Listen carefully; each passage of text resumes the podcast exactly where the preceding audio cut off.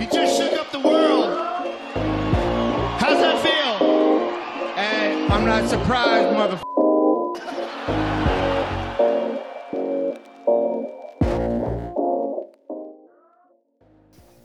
Det är skönt att få spendera lite tid på sitt kontor här, men här är man ju aldrig. Är du inte det?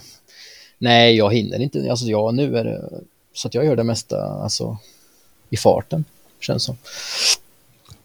Ja, Tyvärr. och det, och det, det är det som är när man ser dig också leva ditt vanliga liv, höll jag på att säga. Det, det är fart och det är fläkt. ja. Och det går undan, men alltid med ett leende. Jag tycker det är så härligt med folk som har eh, typ Elon Musk-liv och bara woho! Och bara du vet Ja. helt nöjd och glad och bara kör på. Jag tycker det är så jävla härligt. Ja, så lär man sätta en diagnos på mig, man vill nog inte läsa det pappret än tror jag. Och vad tror du att du hade gjort med en diagnos egentligen? Jag brukar tänka på det där. nej, ja, nej. Jag har ju någon superkraft i mig, det räcker. Jag behöver Mm. inte veta mer. Ja, men precis. Eh, Jon, eh, Jon Olsson, du vet den här skidåkaren, svenska. Ja. Ja. Han, eh, jag vet inte om han gör V-loggar något mer, men han, han V-loggade ju jätte, jättemycket förut. Och då vet jag att i ett avsnitt så satt han i sin Lambo, eller om han stod utanför den, och så sa han bara I thank my ADHD for this one. Men jag tycker tyvärr lite att sådana profiler och sen alla idag letar ADHD. Att man nästan vill ha ADHD. Mm, det har jag inte tänkt på. Är det så? Det, är mycket, det, men det känns som att det är många som liksom försöker sätta folk i fack. Försöker hitta en förklaring till varför man är på vissa sätt. och varför vill man göra det egentligen? Jag vet inte. Jag tycker det är fint att vara lite onormal. Ja, precis. Vem fan vill vara normal, brukar jag säga. Fy fan så tråkigt. och, vad, och vad är då egentligen att vara normal? Är vi normala som har varit i elitstyrkan i tv? Jag. Jag vill ju hoppas det, för jag menar, vi, då borde folk sträva efter att vara lite mer som oss, eller hur? Ja, men, eh, ja, men jag, jag tänker så här Robin, att eh, först och främst, jag är väldigt tacksam att du vill göra det här. Det, det, vi, vi skrev och sen eh, bokade vi en tid och sen fort var det gjort och nu sitter vi här. Och, men eh, för, för de som inte vet vem Robin är, vem är Robin? Oj, den där frågan, jag var beredd på den. Du var beredd? Trodde jag, men jag vill inte ha den. ja, nej, alltså att hur vi bokar den här tiden, det är väl lite mitt liv i ett esse, va? Att det sker på volley och så sitter vi här. Jag skulle egentligen bara skicka iväg en komplimang, tror jag, till dig. Kommer inte ihåg kontexten. Eh, men, ja. Jo, jag fastade va? Ja, ja, du presterade på topp i fasta, så var det ja. Du höll på att klättra, Just tror jag. Ja. Mm. Och den volleyn kom som ett brev på posten. Nej, men vem är jag? Ja, det kan man undra. Jag är i dagsläget en 27-åring eh, som... Eh, jag vill inte använda ordet entreprenör, men hela mitt liv omvandlas eller omfamnas väl i dagsläget av företagande och jagar mina drömmar. Bor i nuläget i Småland, Eksjö, men jag kommer från Mjölby. Mm. Det kanske man hör på min bristande småländska. Jag tycker att du har den här, äh, du har inte den här bondländska dialekten. Man Tack, tänker så här, Mjölby, jag är från Mjölby, jag kör ut Ja, men- Typ det så. får jag höra här nere, jag är en riktig bondläpp här.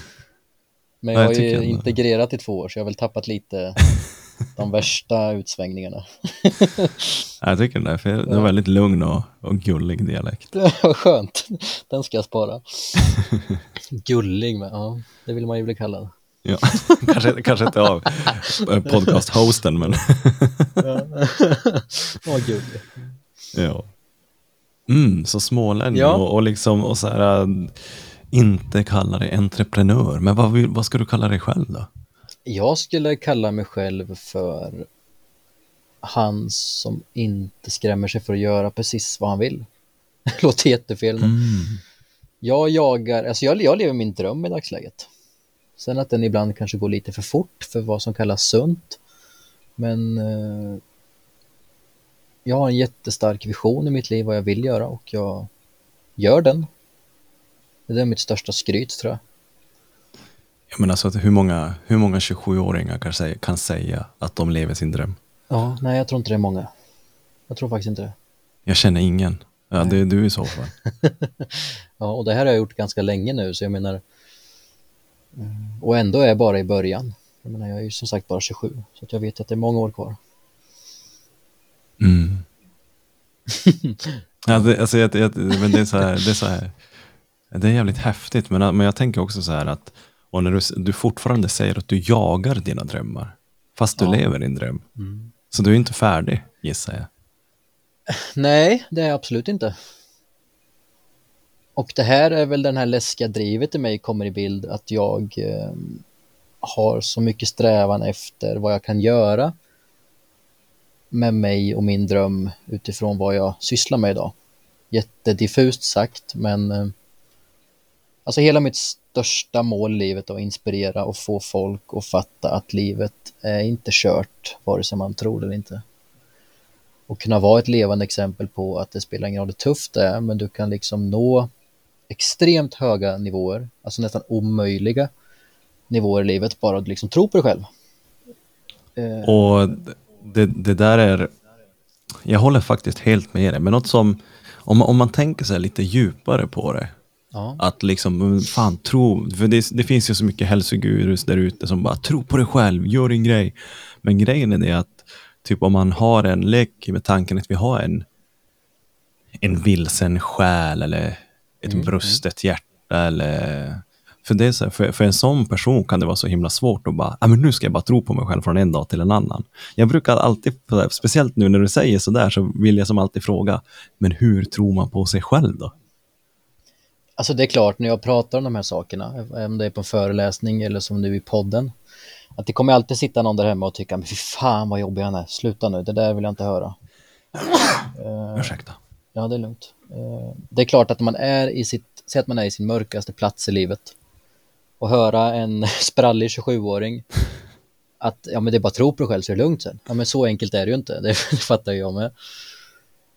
Men man måste ju någonstans hitta, man måste förstå att så länge man vill någonting och in i det sista verkligen försöker, sen behöver man ju ta hjälp i olika nivåer beroende på var man är någonstans och sin egen kapacitet är någonstans. Men, eh, men vi kan inte bara tycka att det är lugnt att det är skit. Nej, men det är okej att jag mår dåligt för att jag har haft en tuff uppväxt eller att eh, nej fan, jag bröt benet, det, jag får hamna efter lite grann. Ja, men det är vad man gör med den, eh, det motståndet skulle jag säga. Ja, jag, håller, jag håller helt med dig. Och en sak som man också, som jag också brukar prata om när vi pratar om just det här, att man, eh, man får faktiskt typ ligga och tycka synd om sig själv. Men grejen är att vad vi än väljer att göra i livet så kommer det ha effekter.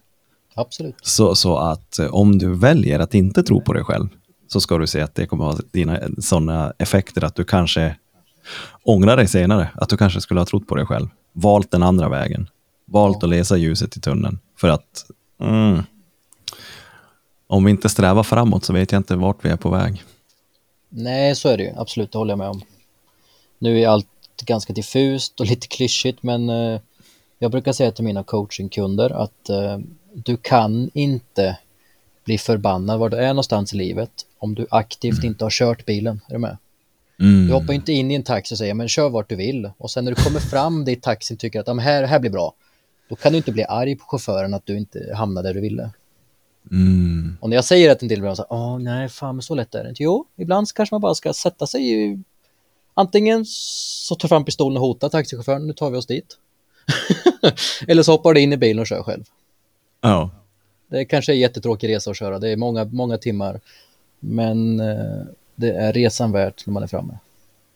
Och jag tänker direkt på ett, eh, en quote som säger som, eh, som säger att om du inte vet vart du om du inte vet vilken hamn du ska segla till så blir ingen vind fördelaktig. Nej, Så- precis. Så, och det är ju precis det du pratar om. Jag tycker det är så jävla, jag, jag älskar de här klyschorna.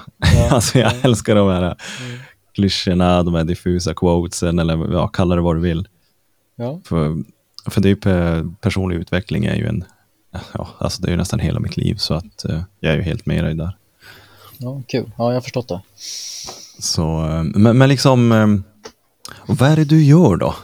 Robin, för de som inte kanske följer dig på Instagram eller Nej. har sett Elitstyrkan och sådär, vad är det du gör då när du säger att du lever din dröm?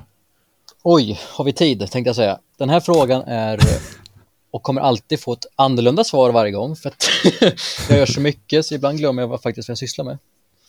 Nej, men i grund och botten är jag medicinsk massör, personlig tränare och coach. Det är väl liksom där hela grunden har varit till min eh, yrkeskarriär. Men i dagsläget så driver jag flertal bolag och jag har två gym i Eksjö och vi är störst med ganska Grattis! många mils. Ja, tack. Eh, Och vi har ett 20-antal anställda. Jag är nästan yngst. Oj. Eh, och ja, men alltså vi jag gör så mycket. Jag åker runt och föreläser. Jag pratar om min resa, min bakgrund, mina drivkrafter. Jag höjer varningens tecken för mående. Eh, som sagt, det nya gymmet byggde vi bara för några månader sedan. Mm, jag såg det. Och vi har precis, eller jag har precis startat en kampsportsklubb som inom två veckor kommer vara live. Vi är först i Oh. Eksjö med det. Ja. Nice. Vi har tagit in funktionell fitness, alltså crossfit-inspirerad träning och det är också först med här i stan. Så att, eh, det är mycket bollar i luften. Wow, vad häftigt ändå. Och, och då, då förstår jag att du kommer att behöva ett ganska stort team bak i dig. Ja, det har jag. Alltså utan mitt team så hade det inte gått. Utan mina medlemmar så hade det inte gått. Mm. Nej, så att det, det är lite vad jag gör. Men något jag tänker direkt, när jag, när jag pratar med människor som du Robin, så Mm. tänker jag så här. hur fan var uppväxten? Hur, hur, blir man en sån här människa? Alltså så här, om, man, om, liksom, om du, du är från Mjölby, jag, alltså jag har ju bara fördomar om Mjölby. Det ska du också mig. ha, jag lovar. Nej men du vet, som man är själv uppvuxen i en liten stad som Kiruna och sådär, att man vet ju lite grann det där småstadssyndromet. Men alltså, hur, hur blir man som du? Liksom, hur var uppväxten? Var det tufft? Var det, var det lätt? Liksom, hur formas man? Så det här tycker jag är en svår fråga, även fast man nu framförallt efter Elitstyckans hemligheter fått den här frågan väldigt många gånger. Mycket tidningar och varit i radio och jag tycker frågan är lika svår varje gång. Eh, Men det känns som att hela min personlighet, hela min drivkraft har byggts på grund av motstånd. Det låter konstigt. Mm. Men som att jag har formats av alla motgångar i livet och liksom eh, om en vanlig människa hade lärt sig en egenskap eller en läxa i livet på en vecka och på den veckan har jag lärt mig 20 läxor. Är du med? Mm. Som att någon har liksom accelererat hela mitt liv lite tidigt, som att jag liksom jag växte förbi min egen mentala ålder ganska fort. Nej, nej, vad, vad skulle det kunna vara för, har du några exempel och i så fall vilken, vilken ålder det skulle ha börjat? Nej, men jag säger alltid om någon frågar typ hur mitt liv börjar. Alltså så här, vad this, this story begins with. Eh, jag föddes när jag var åtta år, brukar jag säga. Jaha, tänker de, fan vad du är flummig. Ja, nej, men för att min, min mamma gick bort när jag var sju, skulle fylla åtta. Hon gick plötsligt bort i cancer, eller plötsligt. Eh, för mig var det plötsligt, jag hade väl liksom inte fattat det. Mm. Och jag minns inget innan den dagen jag såg henne död på sängen. Nu är det, alltså, nu är det out open här, nu kör vi ingen filter. Ja, absolut. Eh, det är det sista jag minns, eller det första jag minns i mitt liv. Mm. Och därifrån har det varit en mental kamp i mitt liv nästan hela vägen. Många som lyssnar på mig och har lyssnat på mig kanske tänker fan han överdriver för så här har det inte varit. Men min upplevelse har varit sån att det har varit liksom jag har slåss, sl- slagits med mig själv, i mig själv, runt omkring alla andra i hela min uppväxt egentligen. Till vuxen ålder då. När, när mamma gick bort där eh, så tidigt då, liksom det är där du säger att du föds egentligen. Och hur, hur såg eh, resterande av familjen ut? Pappa, syskon, släkten? Hur, jag kan tänka mig att man, nu är mina föräldrar båda, de lever båda idag, men att man Ja. som går ihop som, en, som en, nästan en pakt och, och liksom tar sig igenom sådana svåra motgångar. Ja, alltså där skiljer sig nog storyn ganska mycket från vad jag upplevde och hur jag fått återberättat att de tycker det var. Okej. Så jag kan bara berätta min sida av det. Mm. Men jag har ju en pappa och en stora syster som är typ tio månader äldre än mig. Så vi är nästan tvillingar. Men hon är ett år äldre. Mm. Tack gode gud, då slapp jag henne i skolan. Nej. Nej, men vi, alltså vi var, vi hade absolut ingen pakt. Jag tror det varit någon panik i vår släkt, att alla skulle liksom vara den som skulle bestämma vad som händer med oss.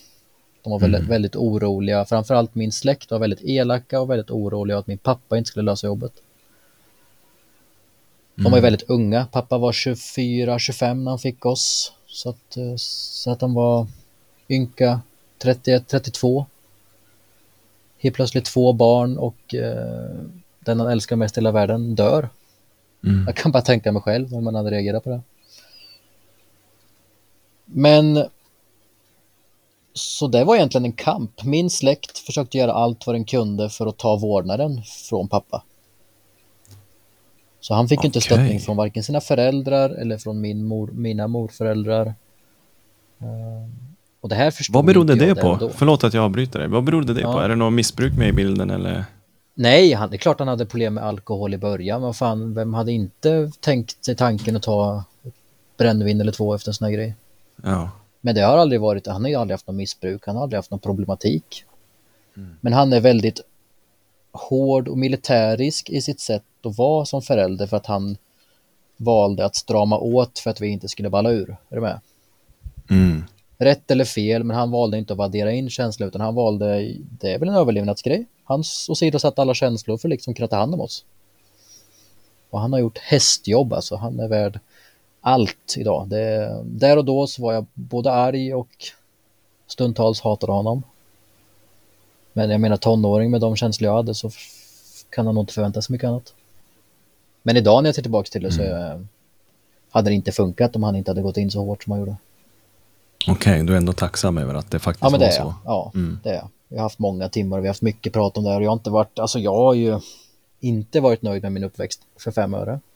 Okej. Men jag tror alternativet hade varit förövande för just min skull i alla fall. Mm. Vill du utveckla? Nej, men jag var stökig, oj oj oj Pontus. Berätta. Vi har tid. Nej men det började med, jag vet inte om det var dagen efter eller om det var veckan efter mamma gick bort. Jag har ett vagt minne i alla fall av att jag kom till, vad går man lågstadiet va? Mm, ja. Och den här, den här större killen, jag var ganska liten i hela min uppväxt, alltså i storlek. Eh, den här killen skrattar åt mig och säger haha din mamma är död, typ, eller du har ingen mamma, jag minns inte exakt vad han sa. Den personen idag, han har lite svårare att le för att han åkte på så mycket fysisk, onödigt våld, men där och då så var han värd det. Och det satte nog lite skutan i hur jag skulle bli som person kommande åren. Väldigt utåtagerande, visade inga känslor, eh, livrädd för att bli mobbad så att jag började mobba, Mm. hamnade i fel umgängen. Så jag tryckte in den Robin egentligen var och satte på en tuff mantel och försökte verkligen, verkligen visa att jag var en cool kille. Eh, Så det blev som hade inte haft en eh, pappa som sett det här och liksom stramat mig i det här så hade jag levt, nog löpt linan ut med både droger och kriminalitet. Mm. Okej, så han, han var ändå uppmärksam på liksom... Till början var han naiv. Vi var på mycket möten. Det hände mycket när jag var yngre. Mycket möten om att vi var på stan och vi gjorde saker man ska göra. Men han sa alltid att nej men Robin skulle aldrig göra en sån grej. Mm.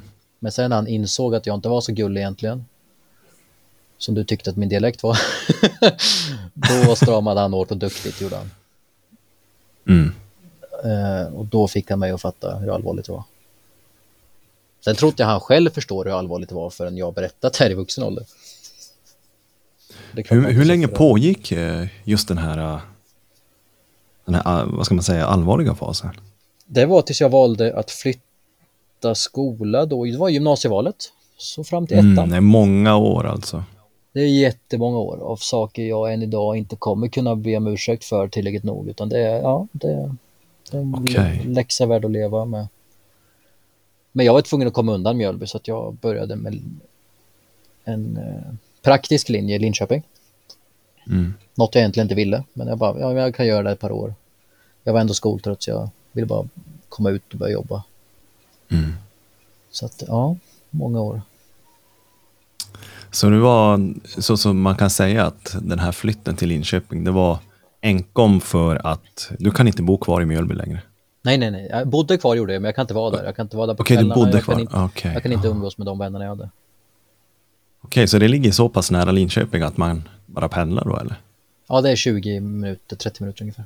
Fan, jag har ju bott en i Linköping. Men, Jaha, ja. ja. jag har ju spelat hockey Men du, där. du så- besökte aldrig Mjölby alltså? Storstaden. Ja. Jag hade, jag hade inte tid, det, var, det låg högt upp på min önskelista men jag hann aldrig.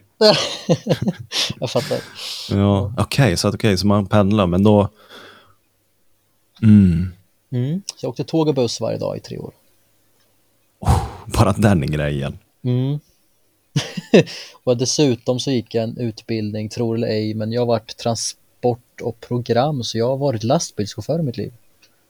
När har du hunnit köra lastbil? Jag körde lastbil första åren efter gymnasiet, Mm. men jag tröttnade ganska fort. Jag hittade ingen Alltså, motstånd i det. Var så här, ja. åh, vad fan Ja på med?" men, ja men det man typ, det lilla man vet om dig, det är så här, du ska nog inte sitta still. Nej, nej, nej, nej, nej, nej. Och framförallt inte göra någonting som har med så här dödliga, eller alltså dött ting. Ja. Jag Jo, precis, om en- Jag hade ingen ambition att den här pallen mjölk, den ska fram. Det var inte liksom en gnista jag hade. ja. Nej, jag förstår. Men hur var, men gymnasiet, var det som, var det fortfarande lite kaos under gymnasiet eller var det där du började liksom repa dig? Nej, men där och då kunde jag väl hitta... Jag började om på nytt. Jag kunde visa en Robin som jag inte hade visat innan. Ja, men helt Mm. plötsligt skulle jag på mig varselbyxor och träskor. Alltså det var så här... Det var heller inte jag, men jag var heller inte den här som... eh, Jag var inte elak, vi slogs inte, jag behövde inte vara tuff. Mm. Men där istället blev jag en bondläpp i tre år och det, jag nöjde mig med det. Det var, det var lugnt och skönt. det funkade bra Shit. för mig just där och då. Men, men från vilken, var, var det någon sån här äh, vändpunkt som du kan minnas som verkligen gjorde att nu väljer du ett annat liv? Man brukar ju ha det, jag personligen Ja. hade ju också det. Alltså just den här kraschen, du vet, och man bara wow, nu är jag färdig. Nej, men jag flyttade hemifrån tidigt. Jag tror inte ens jag hade fyllt 18. Mm. Eh, vi fick livförsäkringspengar från när mamma gick bort. Mm. Och de höll min morbror i för att han trodde på att hade han gett ut pengarna tidigt hade pappa supit upp dem. Typ, han, de hatade varandra. Men när vi väl fick ut pengarna så köpte jag en lägenhet rakt av. Så vuxen var jag att jag ska ha fått de här pengarna nu, då ska jag göra någonting som är värt något för annars hade jag ju festat upp dem garanterat. Mm. Så köpte jag en lägenhet och den lägenheten var, kostade inte många kronor på den tiden. Nu låter jag jättegammal här men det är ändå 11 år sedan. Ja. Ehm, Men jag fortsatte jobba och sen så satt jag på kontor plötsligt för att jag var en ganska men jag, jag kan inte vara tyst och jag har så mycket åsikter. Jag gillar att ägga folk och jag är så här, jag gillar att, jag vet inte, gå folk lite på nerverna tycker jag är kul. Så jag hade mycket åsikter om vart lastbilarna körde, vi mötte varandra ibland, vi stod på samma kaj och jag bara, fan, vi, vad, vad gör vi så här? För ska jag ändå köra lastbil och vi gör det bra? Jag menar, jag är ingen halvmesyrmänniska. Mm. Så då sa han, "Nej, men gör jobbet bättre själv då, så sätt dig själv på kontoret och testa, typ, sa han. Inte ordagrant kanske, men. Han bara, ja absolut, det gör jag. Jag menar, att vara transportledare kräver utbildning. och då var jag 21 tror jag. Mm. Men så jag har varit chef för ett 30-tal anställda där på en handvändning. Och jag löste det ganska bra. så jag satt där inne i två år tror jag. Jäklar. Men när jag satt där och timmarna gick och jag alltså, gjorde samma sak varje dag, men jag hade så extremt hög lön så jag satt ju kvar. Men då började jag ifrågasätta mig själv. Alltså är jag verkligen ämnad för det här? Jag kan inte se mig själv sitta här och flytta på pallar i en dataskärm tills jag går i pension. Mm. Så det var nog vändpunkten för mig. Just det, och då, och då liksom går du över till det här äh, entreprenörskapet som du inte vill kalla det egentligen. Ja, för den, på den tiden var jag väl, inte väldigt, men jag tycker att jag var stor på sociala medier. Jag tyckte om det här ut och inspirera, prata om att man ska jaga sina drömmar, man ska inte fastna i någon låda, man ska våga sticka ut, skit i om det är obekvämt, jada, jada, jada. Men själv satt jag där med mina träskor på hyllan och liksom eh, var ganska bekväm med mitt 7-4. Mm. Så bara, nej, fuck it, jag säger upp mig.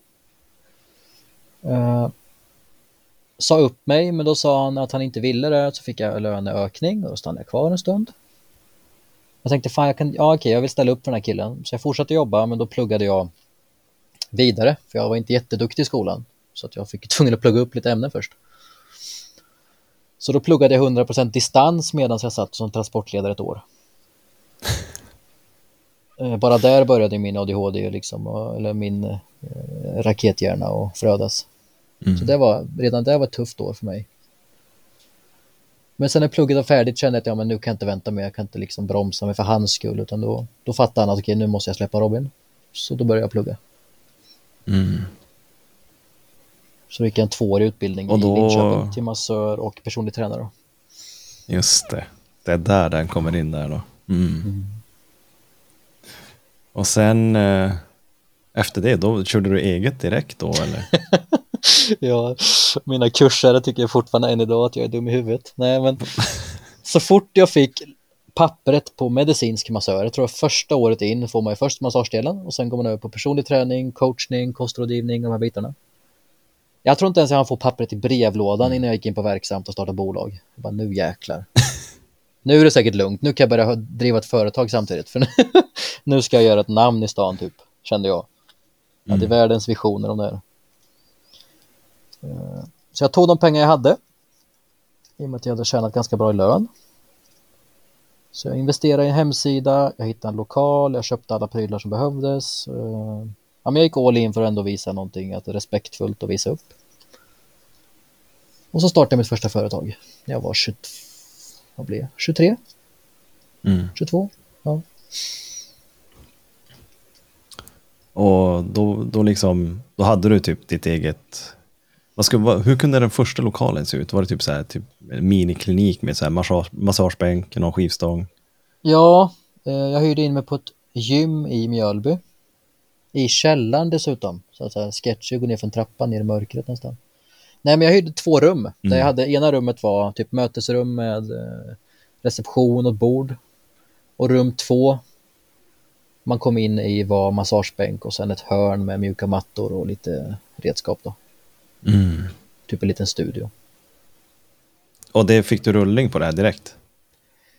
Det sjuka var att veckan innan jag skulle ha öppning så kom den här härliga covid-19 och knackade på. Ja, just det. Just det.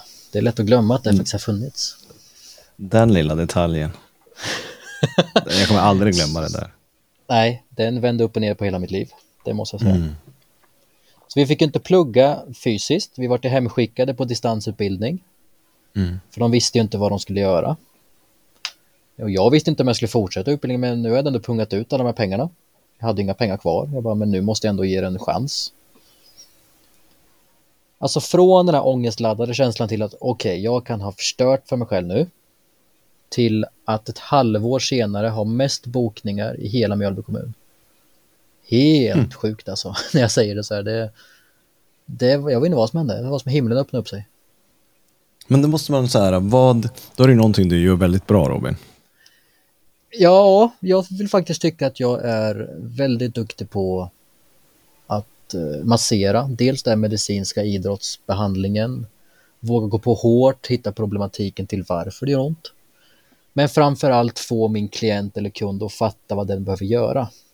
Mm. Min största drivkraft var att du ska bli bra. Jag vill, alltså, har, är du hos mig tio gånger till, då är det ett misslyckande för mig. Alltså jag hade sån extrem press på mig själv. Mm. jag ska göra det bra och jag ska göra det bra nu. Det ska kosta dig så lite pengar det bara går. Och så ska du härifrån.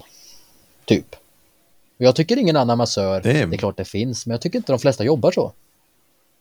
Nej, alltså jag, eh, jag diggar helt den där, den där inställningen. För du, precis som du säger, du höjer ju pressen på dig själv. Ja. Du måste ju då prestera. ja, precis. Och sen, alltså jag har väl alltid haft lätt att knyta mig an till människor. Jag vet inte om de ser den här oskyldiga lilla Mjölbybon i mig. Nej, men så jag knöt mig an ett, alltså ett funktionellt fitnessgym ganska tidigt. Så att jag har varit i lite personlig anknytning till dem. Så att jag fick väldigt mycket, jag har fått lära mig vad crossfit-träning gör. Så det var väldigt mycket axlar. Alltså jag, nej, men jag hittade min plats ganska fort i Mjölby. Just när jag kom till rehab. Som har varit den där killen på bara sex månader som folk knackar på axeln på ICA-kön. Du, jag har ont i en axel, vad gör jag? jag, gick, jag var eld och lågor över det. Och du måste ha, kan inte du känna sådär typ att eh, när, när du blir så omtalad och liksom duktig på det du gör, att till slut så är det som att du kan som inte skilja på fritid och jobb. Folk ska som prata jobb med dig hela tiden. Typ om Ja, vi ja, går ja, på en fest. Jag bara Robin, hörru du, eh, lite snabbt här mellan bara groggen. Kan du bara kolla min rygg här? Nej, Att, ja. liksom, att du måste ju då kanske, beroende på hur du ser på det, att du kanske bara, men vet du, nu, nu tar vi in en, en, en grogg istället för att knäcka ryggar. Nej men jag var, ju så, jag var ju så inne i det där och sen, och sen visst det är klart man älskar uppmärksamhet också. Jag gick ju eld och låga de här grejerna. Jag vet en, en fest jag var på i Mjölby och så var det en kille som bara tog av sig tröjan och la sig ner på soffan så här, du tryck här en gång. Jag bara, men för fan. Men alltså ja, nej, jag gjorde det klart. Jag skulle, där och då bara, jag skulle behandla hans axel, han skulle bli bra ikväll. Jag hör ju att du, jag hör ju att du, jag hoppas du idag har hunnit hitta den där off-knappen ibland också. Nej, ärligt talat har jag inte gjort det, men jag har nog kommit till ett stadie där jag måste hitta min off-knapp. För att nu är det så stort det här, så att nu, nu är det inte den där lilla Mjölby-företagaren som hade två rum i källaren. Nu måste jag hitta en off-knapp om det ska vara långvarigt, det tror jag. Ja, och sen också, jag, jag reagerar när du säger att ja, men sen så bara knöt jag, mig, an, knöt jag mig an till ett gym där och så lärde mig lite crossfit. Och det är så här, de som sitter och lyssnar och kanske unga, gillar träning, jag gissar att många gör det som lyssnar på dig och det här Ja, avsnittet. Men alltså, om någon går i tankarna, bara, men fan, jag vill ju också öppna gym, hur gjorde Robin? Alltså, hur gör man? Hur, alltså, hur lyckas man i den här världen, Robin? För det är ju, för du, du får det låta så enkelt. Bara, men jag utbildade mig, jag startade, jag startade företag bara direkt. Fick inte ens diplomen nästan. Jag hittade lokal och sen var jag mest bokad. Man bara, okej, är det så lätt för alla eller? Alltså jag ville tro det, för mig gör det var alltså inte lätt, men jag... Jag vet inte om det har att göra med att jag är... Jag är enkel som person, det du hör, det du ser, det är det du får. Jag är inte märkvärdig, du kommer aldrig se mig i några fina kläder, jag tycker inte jag är bättre än någon annan, utan jag kan bara gå ut och ställa mig framför folk och sen bara stå och dra några torra skämt och skämma ut mig själv och berätta att det här är jag. Det här sysslar jag med. Hej på det, typ. Nej men alltså jag vet inte. Räcker det inte med att säga att man är från Mjölby? Så man... ja men typ, det kanske är det. Folk måste flytta till Mjölby mer. All right. Ja, men, men jag, alltså, man, man kan ju känna av din energi bara via datan här. Och, och, skönt. Ja. nej, men det, men det är så, för man, man, alla människor har en aura, oavsett om vi pratar i telefon eller i verklighet. Och jag tror att du har den här, alltså det finns som ingen annan väg än uppåt. Nej. Det, det, det, liksom, det finns ingen annan väg för dig. Du får rätta mig om jag har fel. Nej men det är nog ganska, skulle någon förklara mig idag så är det nog det de säger tror jag. Mm. Hur, och hur orkar din sambo leva med dig? Det är en bra fråga. Vänta jag ska hämta henne. Nej. Nej, men alltså jag tänker också en, en människa som du, liksom den här drivkraften och den här, den här farten, liksom, och sen ändå lyckas hålla liksom, relationer, partnerskap, allting i, i schack så att säga. Det är ju Ja. såklart utmaningar, men liksom hur, hur fan gör man? Jag tror att det var till en början en omställning. För att alltså när jag går igång, jag får ju den jag vill tro att jag får den tröttaste sengångaren till att få någon, eh, de får en kick i sig och sen jävlar är vi igång och gör något. Mm. Det kan vara både nyttigt men kan också vara farligt för att det går ju att driva varandra till vansinne. För jag har ingen broms. Mm. Men hon har, eh, alltså vi har gjort det så jäkla bra tillsammans. Vi har visst, det är klart det inte bara varit enkelt. Men hon idag är ju också utbildad personlig tränare och coach. Vi tillsammans har ju skapat och lever våran dröm. Mm. Så jag tror både vi gasar och bromsar varandra ihop som ett lag. Det låter som en eh, drömpartner faktiskt. Ja. Partner in crime, nej, ja precis hon är Ride or die, eller vad ride or die, ja precis. Om man, om man gillar Fast and Furious. Upp med en hand, jag gillar dem. ja men det gör jag med. Ja, man kan tycka om man vill du- om att det, det går överstyr, men jag gillar det. Åh, fan vad nice att höra. Äntligen en som kan dela mina, Ja. mina åsikter om Det Fast ska and inte vara så Furious. konservativt jämt. Fan, nej, det är inte bara bilar längre. Det ska vara explosioner också och rymdfarkoster och allt vad det är. Ja, ja, fan. För det, du vet ju, Ja. family first, det är känslan som räknas. Ja, upp med coronan, skål på det, nu jäklar. Oh, coronan. Ja, men då, du klarar dig då alltså ganska bra ju. Kan man väl säga. Ja, det gjorde jag faktiskt. Jag var ju inte livrädd, men jag kände att okej, det här kan faktiskt köra ihop sig. För att de gick ut med att man ska inte göra några onödiga saker, man ska inte gå och klippa sig, man ska inte massera sig, gym är precis livsfarligt. Jada, Det är jada. värre än mataffären och allt vad de sa. Folk köpte Mm. ju det. Ja, de styrde ju ett helt folkslag med rädsla. Det var ju så enkelt. Ja, men jag tror det nästan var vändningen för folk att ta tag. Vet, folk jobbade hemifrån, de hade tid över, de hade tid att känna efter. De fick ju jätteont. Mm. Så just i första skedet tror jag corona hjälpte mig. Tills Just den dagen det. jag startade gymmet då, då var det ju lite annat. Mm. Då var det tuffare just med corona. Men pågick det, hur länge hann du ha gymmet då innan allting började öppnades, öppnas upp igen? Eh, Jag var i Mjölby ett år, knappt ett år, även fast det gick så bra så hann jag tröttna. Och kände att, ja jag vet min första semester det året, då tvingade mina grabbar med mig till Kalmar. Vi skulle över till Öland och vi skulle festa och bara typ vara där. Jag, jag gav dem tre dagar, ja, men sen kan inte jag borta mer. Jag bara okej, Mm. fine, det får vara så. Men på de tre dagarna satt jag så här, fan nu känner jag, ja, nej, nu står verksamheten still. Jaha, vad gör vi nu då, typ? Jag bara, jaha, varningsklockor. Eh, och kände att nej, men jag vill något mer. Jag vill bara göra mer. Jag vill att verksamheten eller att min min dröm och vision ska fortgå även om jag är ledig.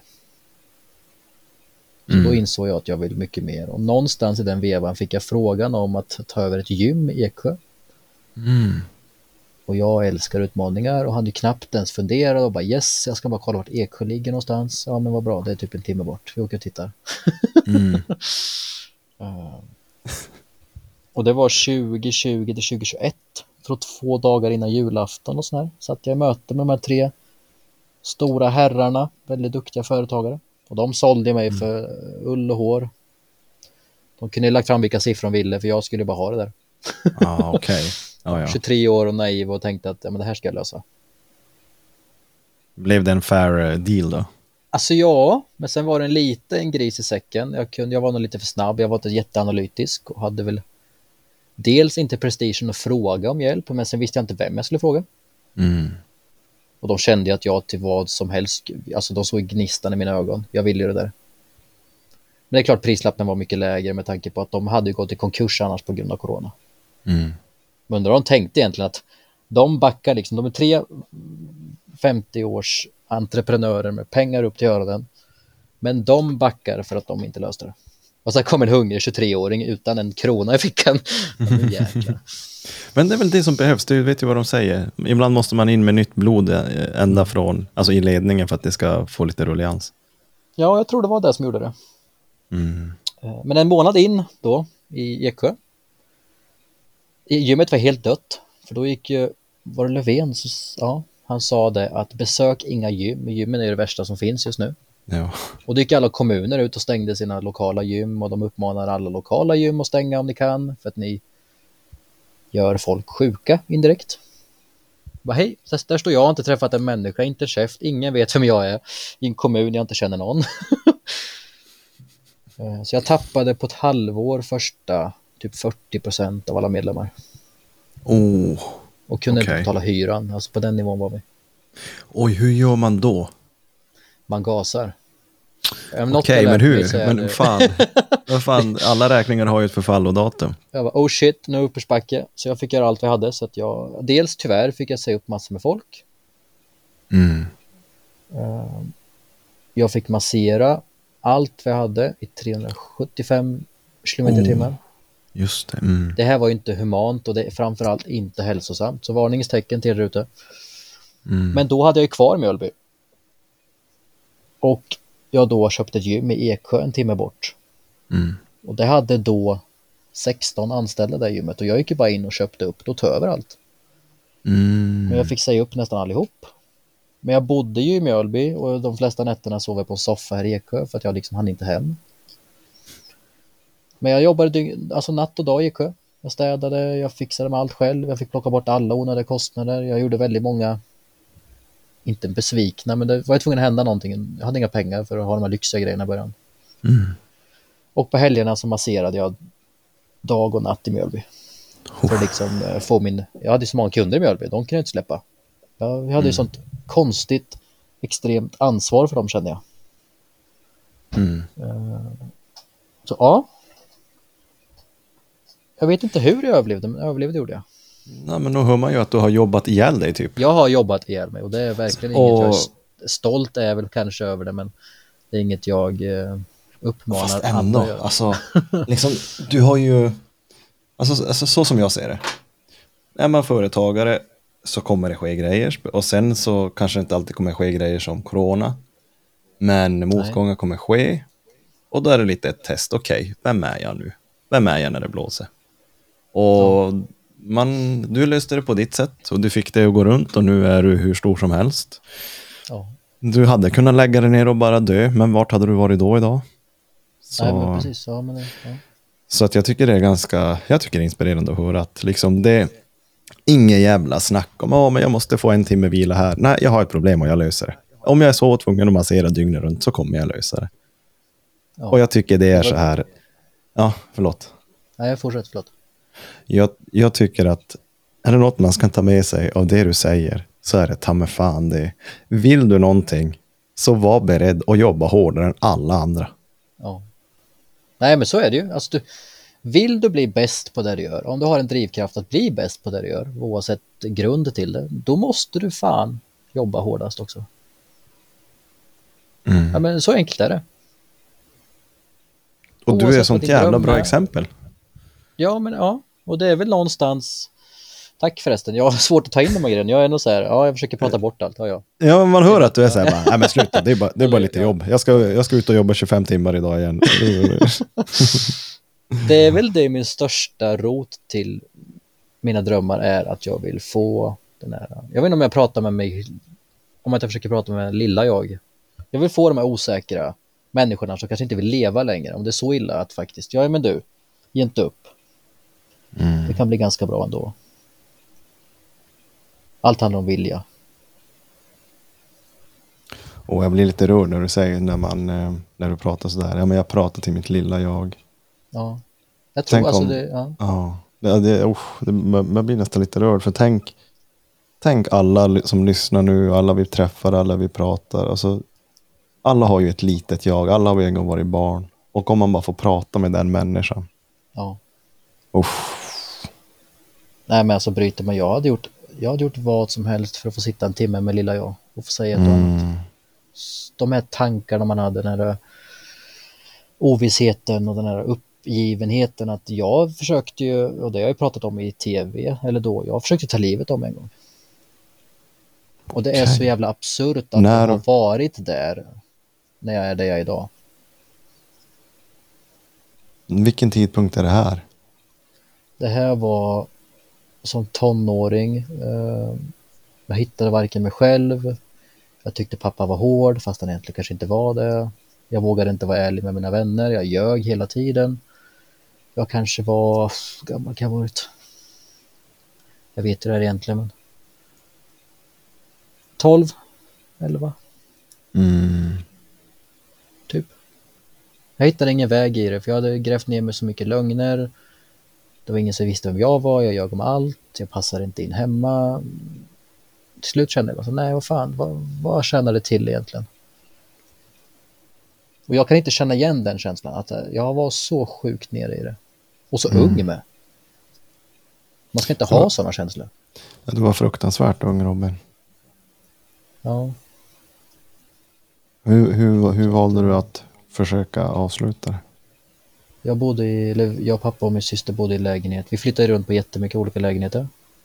Så jag kände inte någon tillhörighet ens fysiskt till ett hus ett tag. Men då bodde vi i lägenhet där vi bodde i trappuppen när man gick högst upp i vår trappuppgång, en sån här gammal spiraltrappa. Så var det ett fönster ut på taket. Ja, det tycker jag är konstigt idag, men det var bara att kliva ut. Det var inte ens högt, det var bara att öppna och sen ta ett steg ut så kom du upp på taket. Där gillade jag att hänga när farsan inte var hemma eller om man jobbade natt. Så när man satt och tjuvrökte eller om jag bara satt och kastade sten på bilar, vad jag nu höll på med. Det var en dag kände jag att nej, vet du vad, jag kanske ska avsluta det här nu, för jag ser faktiskt ingen, jag ser ingen utväg i det här. Jag ser bara att jag gör det själv värre. Och så minns jag att det kom en gubbe med en hund och som så här, typ, jag vet inte om man skäller på mig för att jag är på taket eller om man inser vad jag sysslar med. Det är som att jag vaknar till och bara, oh shit, fan så här kan jag inte hålla på. Och sen vet jag inte om jag tänker på det mer. Men sen så väljer jag inte att göra det och sen så går livet vidare. Och det här var inget jag berättade för någon. Det visste inte ens pappa om förrän jag efter jag med i Elitstyrkans hemligheter så bara, och du pappa förresten, vi måste prata om en sak. För jag erkänner en sak i tv här. Bara, Mm. Yes, ehm, ja jag försökte ta livet av mig en gång. Han bara, okej. Fick han skuldkänslor, pappa, när du sa det? Det tror jag absolut. Vi Mm. pratar dåligt med känslor idag. Men det tror jag han fick. Eller osäker i, osäkerheten i varför tror jag. Mm. Eh, Och det kan man nog inte klandra honom för. Så hade nog alla föräldrar känt. Jo, jag tänker det. Uff. Vad djupt det blev, kände du det? Jo, ja, men jag har nära till mitt djup. Jag är oerhört det är bra. nära. Det, det, det är som en switch bara. Och så blir man ett bottenlöst hål. Ja. Och det är många som inte är det. Jag kan tycka jag är dålig på med känslor. För någonstans är man lite dålig på att stanna upp och prata om de här grejerna. Har du, har du, har du en bra relation till dina känslor idag Robin? Jag skulle säga att jag inte har det. Mm. Rätt eller fel, men jag tror jag har dragit på mig en kappa eller en sköld lite för att säga att eh, inte just nu, jag har så stora grejer på gång. Typ. Mm. All right, ja. Känslokall skulle jag inte säga, men jag känner absolut inte efter. Och det tror jag är både en styrka och en nackdel. Mm, absolut. Det är kanske de som såg mig i tv, det är ju läskigt vad det ska till för att jag ska liksom känna att nu är det bra. Mm. För jag, det jag tänker så. det att eh, om inte... För vi, jag, jag känner att vi ska ju prata elitstyrkan också. Där har vi något gemensamt. Men, Ja, det har vi. men, men ditt, din, din story blev så djup så jag bara... Fuff, kanske andas lite. Om, om det inte är någonting mer du vill tillägga just här om ditt liv eller som du känner att jag har glömt att fråga. Jag tycker ändå man har fått en bra bild av dig. Ja, vad skönt. Eh, För, för jag tänker att annars hoppar vi på elitstyrkan. Hur känner du Jag över hoppas det? på att vi höll en röd tråd, för jag, när jag babblar på då lite så här, jag vet inte, det kan ta alla möjliga vägar. Hörru du då. Robin, du har, du har nyss suttit och sagt rätt eller fel, whatever. Och så sitter du här och hoppas att du har följt en röd tråd. Fan, ska du vara normal plötsligt? Okej då, vi släpper det. Men det är ett öppet samtal. Vem fan, Ja, det det. Ja. vem fan bryr sig om en röd tråd? Nej, precis.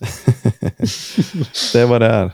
Pratar man så pratar man. Absolut. Man hamnar det, vart man det är det hamnar. jag fastnar för med, alltså med din podd. Jag tycker mycket poddar följer varann. Mm. Men jag tycker alltså autenticiteten, eller genuina i din podd fick mig liksom att, eh, jag vet inte, jag tror jag lyssnar på de flesta avsnitt du släppt. Tack ska du ha Robin. Dels för det här lugnet och du har ju inte, det är inga så här super analyserade kickback-frågor du får för liksom skapa clickbait. Mm. Utan bara samtalen du har, de kommer dit de kommer. Det tycker jag är fint. Mm. Ja, det, det är som Det är är, bra jobb. Ja, men absolut. Det värmer som attan att höra. Det är eh, en ynnest att få eh, ha en sån här plattform och vara helt independent och inte ägas och behöva vara styrd av vad man ska säga och vad man inte får säga och bjuda in vem som helst och ah, bla bla bla. Utan, Ja, nej, jag tror du är rätt man på rätt plats. Det ska du verkligen ta med dig. tack ska du ha Robin. Det, det, det värmer att, när det kommer från en man som du. Jag ska börja kalla dig Elon Musk junior. det får du inte göra. Men eh, vad, vad tror du? Vad tror du Mjölby? Ska vi köra lite elitstyrkan? Absolut, let's, let's go.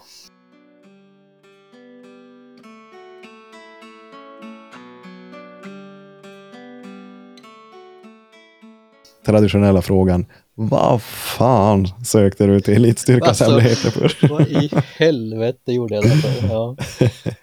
Nej, men det sjuka är att jag sökte till Elitstyrkans hemligheter när jag satt och lite rullade tummarna i Mjölby på min studio. Alltså alla har ju sett, vi som var med säsong två. Vi har ju sett säsong ett och tänkt fy fan vad ballt, det här ska jag med i. Du och gänget var ju de som satte liksom frön in att det här vill jag testa. Det här ska jag göra. Mm. Då tyckte jag livet var ganska harmoniskt, även fast det var corona och allt. Men än värre vart det ju när ansökningar och allt drog igång och jag hade ett gym i Eksjö också. Mm. Det hade jag inte planerat.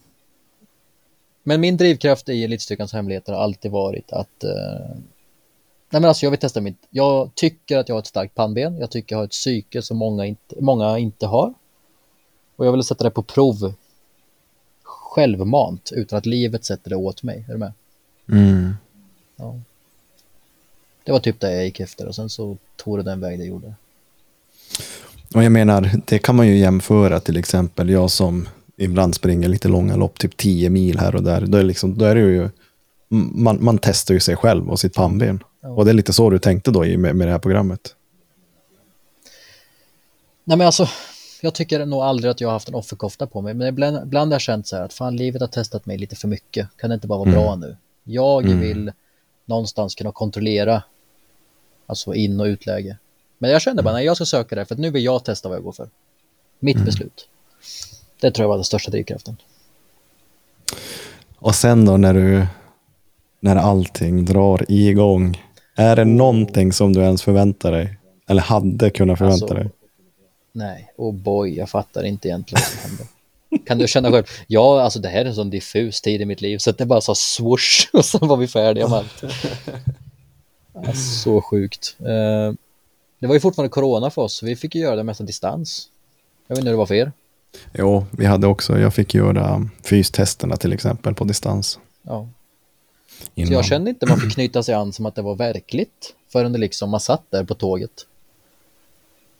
Mm. Och sen så sa allt bara pang, pang, pang och sen var det i tv-produktion och sen så gick ju allt av bara farten. ja. Åh herregud, ni hade också en jävla start på eran säsong. ja, det var helt sjukt. Jag vet att vi satt och alla pratade med varandra i logementet. Man bara tittar på varandra och bara vad fan har vi gett oss in på? Man kunde inte vildaste fantasi tro att det skulle vara så jäkla tufft. Och det var precis början bara. Jaha, Mm. nu då? ja. Vart, vart, eh, vart var det ni spelade in? Härnösand. glömmer alltid. Härnösand var det. Just det. Ute på den där militärön, vad det nu heter, tappar jag namnet. Mm. Men liksom jag som också har gjort den här äh, uh, tv-sessionen i Elitstyrkan. Hur, hur skulle du säga, om du får förklara för någon som inte har gjort det här, liksom att åka in i en tv-ruta och vara med främmande människor, man ska se varandra nakna, man ska överleva, man ska hjälpa varandra, man ska vara brutalt ärliga mot varandra, man ska svettas, gråta. Alltså hur är det att komma in i en sån miljö och sen bara så svetsas man ihop? Jag skulle säga att det är tusen gånger värre än vad det ser ut att vara. Mm. Jag kom i chock. Jag tror jag var lite naiv och tänkte att man höll sig lite fräsch mellan tagningarna för att det är ändå tv och det är pengar det handlar om för dem. Mm. Men alltså det var ju en no-brainer. De körde ju skiten av oss nästan hårdare när kameran inte rullade. Mm. Alltså det var, man hann aldrig ens reflektera över vad de höll på med med oss. Så att, eh, bra mycket värre än vad jag trodde. Mm. Har du något sånt där moment? För du gick ju ganska långt. Hur många? Jag tror jag gick fjärde dagen eller natten till fjärde, jag tror tredje avsnittet tror jag. Mm, Så Okej, inte så långt. all right. Så ganska Mm. tidigt. Vad, fick, vad fick dig att bryta? Vad var det som hände med dig? Eh, Min höft, eh, 25% av min höftböjare gick av i tv. Just oh. Och det insåg ju inte jag. Jag fortsatte ju då och tänkte att min kropp bara gnäller nu för att jag är sliten. Jo, Ja. Jag, vilken dramatisk ut, utgång jag hade. Ja. Åh. Men vad var det? Vad, men allt du hann göra, vad tyckte du var det absolut värsta? Förutom typ den här mentala stressen hela tiden. Ja, alltså det, det var ju det värsta tycker jag, att man inte vågade blunda när man skulle sova. Det tyckte jag var läskigt, alltså just den mentala biten. Men fysiskt skulle jag säga sten, stenen i början. När ni fick krypa. Ja, det var som chock och jag kunde liksom inte, alltså man hade maxpuls direkt. Man hade precis fått klä, hoppa av båtarna i tregradigt vatten. I privatkläder, så vi trodde ju inte att vi var igång. Eh, vi fick klä av oss helt nerfrusna, nakna inför en hel produktion på typ 35 pers. Och sen hann vi inte ens med någonting och i slutet, då skulle vi nära kravla i, var det en och en halv timme eller en och 40 eller vad det var. Utan det. Fan. Det tycker jag var det värsta. Ja, jag förstår dig. Ja. Eller den där jäkla blåa pinnen när man sprang upp och ner på natten. Mm, just det. hade, eller fys, ja. Hade ni, visst hade ni också så att, eh, det visar de ju kanske inte i tv, att de väcker ju, de väcker oss typ varannan timme under natten. Ja. Ta bort alla bekvämligheter som finns. ja, jag tror vi sov, nu sov vi inte jättemånga dygn där, men 40 minuter i stöten ungefär. Mm. Men fick ni ha, visste ni vad klockan var någon gång? Nej. Nej. Bara en sån grej? Är det natt? Är det soluppgång eller är den på väg ner? Men, fick ni ha klocka? Nej. nej, i, nej, ingenting. För um, det var ju bara på logementet så typ, ja man visste ju att jaha, nu är det mörkt ute. Ja. Jaha, ja, vi får gå in på logementet och nu är det ett fyspass till. Jaha, nu är det förmodligen natt för nu ser man stjärnorna. Då går man in på logementet och sen helt plötsligt, blom, släcktes lamporna. Jaha, är det nu vi får sova? Ingen aning. Nej. Så Nej. Vad tyckte du var värst om vi bollar över frågan? Mm, jag åkte på hjärnskakning så jag var inte heller inne. Jag åkte ut inför dag tre. Kvällen där, dag två när vi skulle slåss. Eh, ja, men jag tyckte det. det var häf- det häftigaste var nog när vi fick falla från typ 7-8 meter. Mm. Ner i vattnet på skallen bara. Det var så här. Petra bara släpp kontrollen. På mitt kommando, verkställ. Ja. Så att, Ja, jag eh, minns de men det är nog, gjorde jag skulle absolut säga. Hade ni också den? Helikopter dock. Ni körde helikopter ja. Åh herregud. Precis efter jag hade klättrat eller ålat på stenarna så säger de det är flera här inne som måste bevisa sig mer för oss. Typ ni riskerar att åka ut. Bara shit. Och så ropar de upp halva gänget tror jag. Och jag var en av dem. Sen vet jag inte om de sa det för att de ville liksom sätta dit oss lite mentalt. Men fy fan och så kom helikoptern in och bara åh maxpuls. Bara, nej. ja. Jag måste nästan se om den där säsongen. Mm. Man Gör ser dem alltså. när de, när, när de kommer och sen så väntar man på nästa. Det borde ju komma nu för fan. Ja, det är Säsong sent. fyra. Det är så januari borde det vara. Trodde jag. Ja, vart fan är Ja. säsong fyra? Hallå? Och jag vet faktiskt vart de spelar in den. Jag med. Ja, Jag tänker inte säga vem, men jag har fått höra av en person som... Mm. Ja, Jag vet en som är med också. Jaha, mm. nej det vet jag inte. Ja, du vet inte. Jag kan, jag kan säga det åt dig efter vi har lagt på. Ja, Alltså, utan, alltså ut, ifrån. Ja. ja, utanför inspelningen. ja, ja, ja. Så... Mm. Men tyckte du att de klippte dig rättvist? Jo, Ja. jag skulle ändå säga. Ja. Jag, ehm, jag, jag har absolut ingenting att klaga på. Jag är skönt. lite missnöjd med mig själv över eh, när vi skulle köra drownproofing där i kallvattnet. Ja, just det. det först... Ja, just det. Mm. Och eh, det var så här, man hade ju tränat på det innan. För man visste ju att typ det kommer kanske komma. Men man hade ju tränat på ett badhus i varmt vatten. Ja, det är klart. Så eh, när kylan kom så fick man en chock och det man inte heller ser i tv, man kan se det om man typ kollar när jag gör det där vattenmomentet. Att de klipper kameran just när jag har varit ner och, och touchat botten och så skjuter jag upp. Så om du kollar jävligt noga så ser du att mina kallingar är på väg väldigt långt ner och så klipper de just när de... Jag tappade ju kallingarna, de var ju nere vid fotknölarna. Jaha, Ja, men och det fick blev du bryta då eller för att få upp dem? Nej, nej, nej. Det blev ju bara väldigt psykande. För jag tänker ju att jag ger inte upp. Jag ska fan upp och ner. I tv ser det ut som att jag typ ger upp på första. Men i verkligheten var jag upp, upp och ner typ fyra gånger innan jag fick panik. Så, eh, och då var just att jag tappade kalsongerna. De var ju nere i fotknölarna. Så tänker man, jaha, nu ska jag vara naken här eh, inför hela Sverige. Det första som händer, varför händer det här alltid mig? Varför, varför kan jag inte bara vara normal någon gång typ? Så, eh, ja. Jag tappade Kalle. Man kan se det om man typ ser på mitt vattenmoment. För jag tror inte folk liksom, alltså, kan tänka sig, förstå känslan i det där. Nej. Att du ens fortsatte efter att ha tappat dem, det säger en hel del om dig.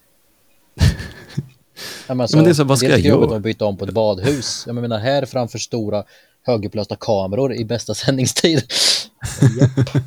Vi kör. Ja, men, men tror inte du att det är lite oss Robin? Alltså så här, Ja, om vi ja, ger oss in på någonting. Alltså det är så här bara, fuck it. Ja, nu gör vi. Ja, precis. Ja, jag, jag tror det. Så att, eh, nej, men, men vad skulle du säga att, vad, eh, vad tar du med dig från elitstyrkan som du känner att det har verkligen gett dig någonting här i livet? Som du inte annars hade kanske kunnat få om du inte var med där. Uh, förutom den vänskap, eller alltså de här knytningarna till människor man på ett konstigt sätt har. Jag hade inte träffats annars. Så är det nog att uh, jag är både fascinerad men lite rädd för vad mitt huvud kan göra. Alltså jag är så grymt envis till att jag drog mig nästan in i det var ju läskigt vad jag pressade på mig själv i slutet. Jag hoppade upp på ett ben, jag skrek ju som en eh, stucken gris där nere i bunkern. De fick ju bära upp mig. Men jag fortsatte ju ändå. Man ser på instruktörerna där i slutet att de- byter, att från att övningen är att man får hjälpa varandra, för då ser de att jag löser det ganska bra med att någon kompis tog min väska och men de fattar att jag inte kunde jag fortsätta. Så säger de så här, den här övningen är nu individuell. Du vet, de packar på mig väskan på ett ben, jag sätter på mig gasmask och då slår jag en kull duktigt. Alltså jag kan inte stå upp. Men Mm. jag försöker fortfarande. Och blir förbannad på honom för att han säger att jag ska gå åt sidan. Jag bara, Nej, det ska jag inte. Lägg av. Jag ska bara få igång mitt ben igen så kör vi. Typ. Så det får jag med mig. Att jag, är- alltså, mitt psyke kan driva in mig i... eh, Det finns inget stopp i mig så länge jag vill. Så det tror jag. är min bästa läxa därifrån. Mm. Vad ska du göra av den läxan då? För det kan ju bli ganska destruktivt. Absolut, ja. Att inte och där ha är ett jag stopp. någon, Jag tror jag är där någonstans i livet nu, att jag faktiskt måste jobba lite med det. Eh, Mm. För dels min sambo och eh, hon har ju två barn så att vi har en familj. Men för, och sen framförallt för företaget och de tusen medlemmar och alltså, jag, jag är ju jättestor påverkan i Eko kommun just nu. Eh, Det, jag, jag tänker för allas ansvar behöver jag liksom tror jag jobba med mig själv så att det inte blir destruktivt på sikt. Det kan bli den tuffaste resan tror jag för mig. Då är det en, ba en bagatell att starta företag i corona, om du frågar mig.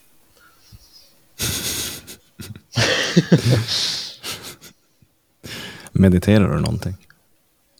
Nej, men det komiska är att jag sa till Ina, min sambo, att jag vill lära mig eh, meditera.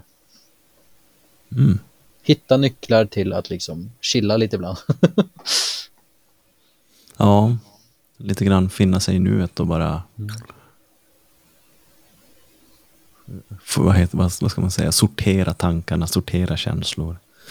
ja. Istället för att kanske ja, mm, trycka undan dem. nej precis. Ja.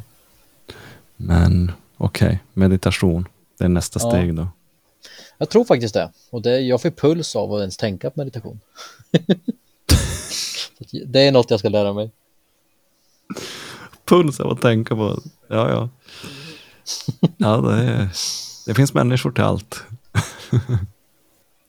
Men har du något annat sånt här um, typ utmaning du ska göra förutom elitstyrkan eller bli Smålands största entreprenör? Vi har något jättekul på gång nu. Jag har ju startat som sagt en kampsportsklubb. Det är något som inte finns idag så jag menar jag sätter ju liksom helt öppna tyglar försöka hitta ett sätt att få det att funka. Mm. Så jag har fått in, jag tror vi är sex coacher som vi har handplockat för att göra det här bra då. Men på privat nivå så är faktiskt min nästa utmaning redan på söndag. Mhm. Jag ska åka och tävla i Göteborg i brasiliansk jiu-jitsu. Då jäklar. Så jag är mitt, jag hoppas att jag är i min livs bästa form just nu, för på söndag gäller det. Vad har du för bälte? Nej, jag är nyligen i den här sporten, jag är vitt fortfarande. Jag har inte hållit på länge. Okej, du är så pass nylig. Ja, ja, ja. Okej. Eh, Just All right. Är helt nytt för mig. Eh, vad kör du för, vad kallar man? Kör du Gracie? Alltså jag är nog mer vad är de kallar mig? De kallar mig för, um, vad fan var han sa häromdagen? Steroidladdad Duracell-kanin. Jag är den här som går all in och jag, man får vara med när jag kör för det går undan. Ja, cool. Tränar du själv? Nej, vi har ju vi har faktiskt väldigt fina kampsportsföreningar här i Luleå, men eh, jag är som för feg för att börja. Men jag hade älskat att börja. Jag vill börja rulla. För de har ju Gra- Gracie Certified, Ja. Royce Gracie jiu-jitsu här, liksom Ja. Brasilien. Så att eh, mm, jag kommer nog förmodligen börja snart. Jag vet Ja, inte vad jag går och väntar på.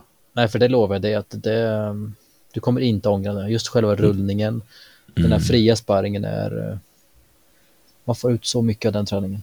Både mentalt och fysiskt.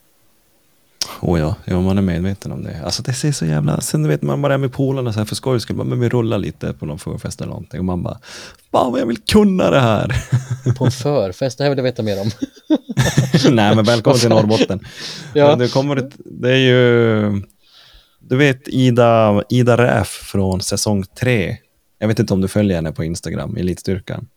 Nej, jag Från, tror inte eh, det. Hon gick ju hela vägen nästan. Med Thomas och Torstein. Om du har sett säsong tre Elitstyrkan. Nu tappar du mig. Hallå?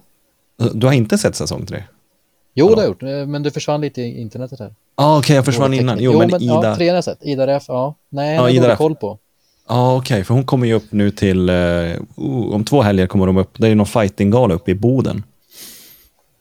Ja, det är Och- SM va?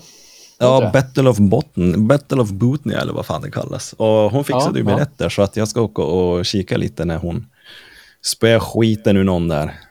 Vem ska hon möta? Eller vilken vikt? eh? Mm, jag vet inte. Det enda Ja, jag vet en- att Ida ska vara med. Jag bara, Ida jag kommer. Jag har en vän som tävlar i det där. Jaså? Ja, hon ska upp dit tror jag. Vad heter hon då? Jag kan ju fan kolla. vad hon Eh, kan Ja, hon körde- kolla när ja. Nej, men vad roligt. Ja. Ja. Vad roligt, min vän Nadja ska faktiskt möta Ida där, för jag är inne nu och kollar. ja, det är alltså de som ska mötas. ja, Okej. hon är från Mjölby. Nadja Eriksson. Ja. Jag tror inte hon vill approacha sig sån där, så jag ska, vi, vi klipper bort det. Vi säger Linköping. Okej. Okej. Vad Det säkert komiskt. Ja, då ska jag se den. Då ska jag se din kompis fight. Fan vad kul. Och hon slåss ju mot våran typ kollega, höll jag på att säga, men våran elitstyrkan-vän. Jag tycker sy- synd om Nadja. Jag tänker det, det Varför det? nej men Ida, eller ja, Nadja är ju sjukt duktig, men våran elitstyrkan-vän är ju liksom elitstyrkan, eller hur? Hon är... Det, det är som att det är någonting med Ida också. Du vet, jag spelar in podd med henne, men det är som... Det är som att det är något i ögonen. Det är, det är samma med dig, du vet, så här galna... Inte gal, det är galenskap på i positiv mening. Ja, Det är så här lite David Goggins mamma, okej, man, man kan inte bryta ner sådana individer. nej. Ja, vad kul. Så dit ska jag. Ja, vad roligt. Det ska bli kul att följa. Det måste jag säga. Ja, men det ska fan... eh, Men fan, eh, när, när du åker och har en sån där turnering på söndag, blir det att du har flera matcher samma dag? Eller blir det... Ja, men det är en sån utslagningsturnering. Turnering. Mm. Det. Så går det bra så fortsätter man tills finalerna då. Mm, och där man är hyfsat trött kan jag tänka mig. Det kommer man vara. Och hyfsat svettig så att matcherna är ju... Det blir en helt annan approach när man är så hal i slutet.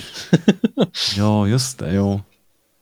Vad, vad tror du, vart ställer du dig själv? Vad har du för chanser? Ja, nej, och jag tror inte jag min klubb vet om det, men jag tänkte ju faktiskt inte tävla egentligen nu.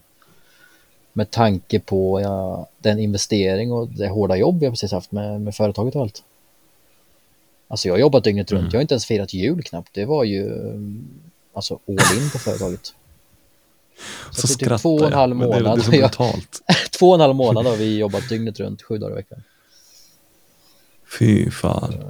Men så var det en kille på klubben som sa det Robin, fan vad kul att du hänger med och tävlar för annars hade det inte blivit av för de har haft så mycket avhopp. Och jag gick in samma kväll och, och anmälde mig för hans skull.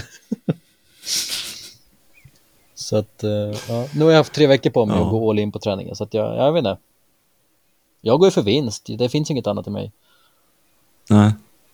Nej. Ja, kul kul att se då. men, mental styrka ska jag vinna med. Men kommer right. åka på något säkert något löjligt tekniskt som jag inte riktigt är beredd på. Du kallar det till och med löjligt tekniskt. Ja, men det kommer vara så här, så här do- do's and don't liksom. Jag kommer hoppa in i de här dumma fällorna säkert. ja, det ska bli Ja, kul. men jag, jag håller tummarna för dig.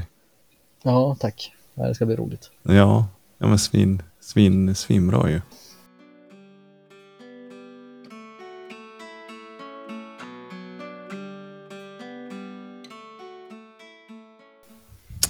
Då har vi den här. Om det, jag vet inte om du har förberett dig. Men om Robin får ge sina tips och tricks. Om du får sätta din prägel på livet. Till lyssnarna, till mig, till hela världen. Vad ska vi ta med oss med dina egna ord?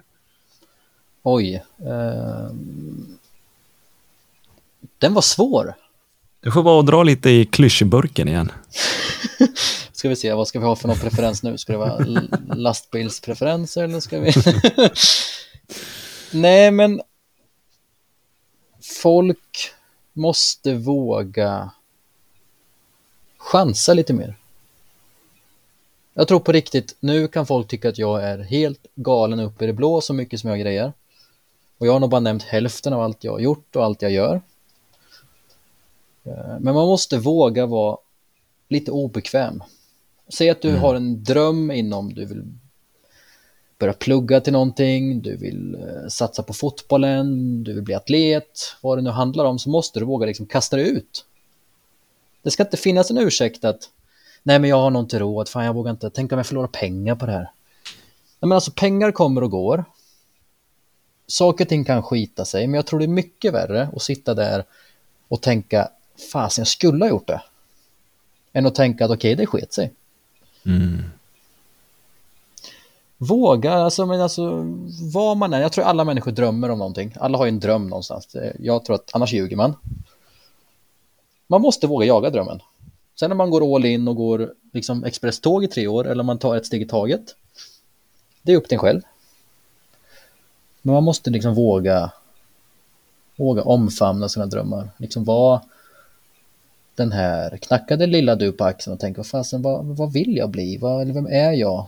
Och så våga mm. äga det och våga liksom ta tag i det. Tror jag. Jag tycker det är, nej jag håller med dig. Det är fint. Ja. Absolut. Och men, ehm, som följdfråga på det då Robin. Ja. Om, om det inte blir som man har tänkt, om man är den som bara vågar kasta sig ut, men det går åt helvete. Vad har du för tips på det i så fall? Vad man kan göra då? Jag hör av mig den dagen jag är där, nej. nej, jag tror att alltså, det beror på, det är jättesvårt. Generellt sagt, det beror på helt på vad som händer. Mm. Men säg att du, eh, ja men okej, något som är enkelt och säg att du, du startar företag. Du vill liksom, jag har en affärsidé, jag vill bli stor, jag eh, tittat mycket på motivationsvideos, jag vill det här. Så jag startar ett företag och så skiter det sig. Ja men vad fan, nej, du har bränt pengar. Du förlorar minst dina 25 000 aktiekapital. Du får en törn i uh, ditt självförtroende, men det är inte mycket värre än så. Mm. Det, det, är nog svårt om man är som person, men alltså antingen tar du hjälp därifrån. Summera, okej, okay, vad gjorde jag fel? Vad gör jag nu för att hitta tillbaks? Eller liksom ge fan på det och testa en gång till. Mm. Jag tror jag är fel person att fråga för jag, jag har ju inga sunda, sunda svar i det här. Jag förstår, jag förstår. Ja. Jag tror att det är en grej som man också som man måste komma över och det är den här skit i vad folk tycker och tänker om absolut, dig. Absolut, absolut. Att, alltså, den, det är, den är så jävla viktig. Jag håller med. Jag menar, jag tänk dig, du som bara, du har säkert fått stöta på det tusen gånger, du som bara gasar och kör och bara tar över hela jävla Sverige. Tänk vad folk ska störa sig på dig, Robin. Alltså du anar inte, jag får höra så mycket saker och jag har mm. ibland tvivlat på mig själv. Mm. Men jag har fått lära mig att folk kommer alltid snacka. Mm. Jag är en person man antingen älskar eller så hatar man mig. Stör man sig på vad jag gör så är det för att det någonstans finns en avundsjuka eller att du, du vill också vara där någonstans. Mm.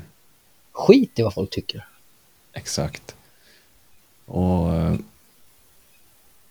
jag har, jag har... Jantela, jantelagen oh. vill jag prata om. Där har vi den. Uh. Våga säga att är du bra på fotboll, våga äga att du är bra på fotboll. Fan, Zlatan. Ja, precis. Zlatan. Fan, han borde, vi borde ta efter honom lite mer. mm, jag håller med. Jag håller med. Och jag, jag tror tänkte... inte jag hade hamnat där jag är idag ifall jag hade sagt att jag är medioker, åker runt och föreläser och säger att jag är, jag är ganska duktig på det jag gör. Mm. Nej, jag tror inte det. Ja, oh, det säger du någonting så bra. Hej. Jo, vad, vad, ska jag åka runt och säga bara? Hej, jag är en medioker människa. Jag, eh, jag är medioker föreläsare. Därför står jag här och ska lära er mediokert. Alltså, fan. Ja, jag hörde en jätteduktig föreläsare som eh, jag tappar namnet på honom. Men han, liksom, allt handlar om hur du säljer eller om du pratar värde i någonting. Säg att hans föreläsning är en timme. Mm.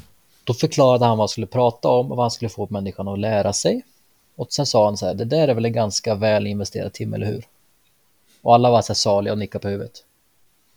Men klev man in där och bara, jag är ganska duktig på det här. Ni kommer inte lära er ett jävla skit. Mm. Och jag är nog ganska tråkig på humor också. Men ni betalar 500. Vill ni sitta kvar? Nej, jag tror inte det. Så ja, det är sant.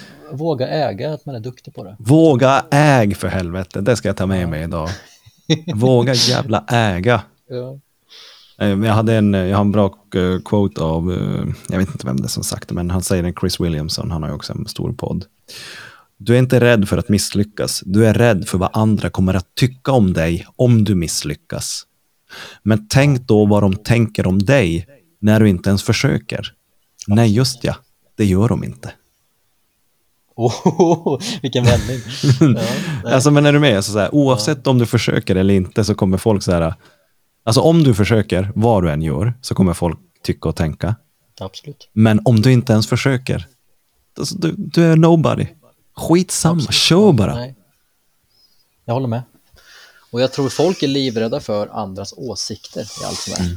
Ja, ja. Alltså på riktigt livrädda. Det är så här, vad, vad, vad har den för tyngd egentligen? Vad är det för substans? Men det är ju som att, jag, jag brukar jämföra det, säg att det kommer en osäker människa till ett gym, som, eller till mitt gym då, och vill börja träna. 99 av 9 procent säger alla, nej men tänk vad den personen tycker om mig. Nej men jag vågar inte gå här, här är bara vältränade människor. Mm. Men oftast tänker ju alla människor så. Mm. Tänk om våra tankar hade suttit på våran tröja. Då hade även de här som har åsikter om att man gör någonting konstigt, hade jag också tänkt, tänk vad andra tycker om jag gör det här. Mm. Det är bara rundgång på idioti tycker jag. Ja, verkligen. ja, Mm. jag håller med. Äh, våga äg. Våga äg. Våga äg. Starkt avslut. Jag tycker det, det är helt topp, toppen. Absolut, och jag vill tacka för att jag fick komma hit. Jag tyckte det var jättekul. Och att du vill ha mig här av alla galningar där ute. Ja, men det visar ju sig att du var ju mer galning än vad jag trodde, så att det är ju perfekt. Ja. Det är ju det här jag gillar. Det är Mjölbyskärmen. Fuck normalitet. ja, ja, jag håller med. Nej, men tusen tack Robin för att du ställde upp. Det var, äh, fan vilken... Det, det kommer gå bra för dig. Jag håller alla tummar. För, nu på söndag och i framtiden och hela tiden. Det kommer gå bra för Kul. dig. Tack så jättemycket Pontus. Absolut. Och eh, till er där ute, på återseende. Och våga äg. Våga äg, helt klart.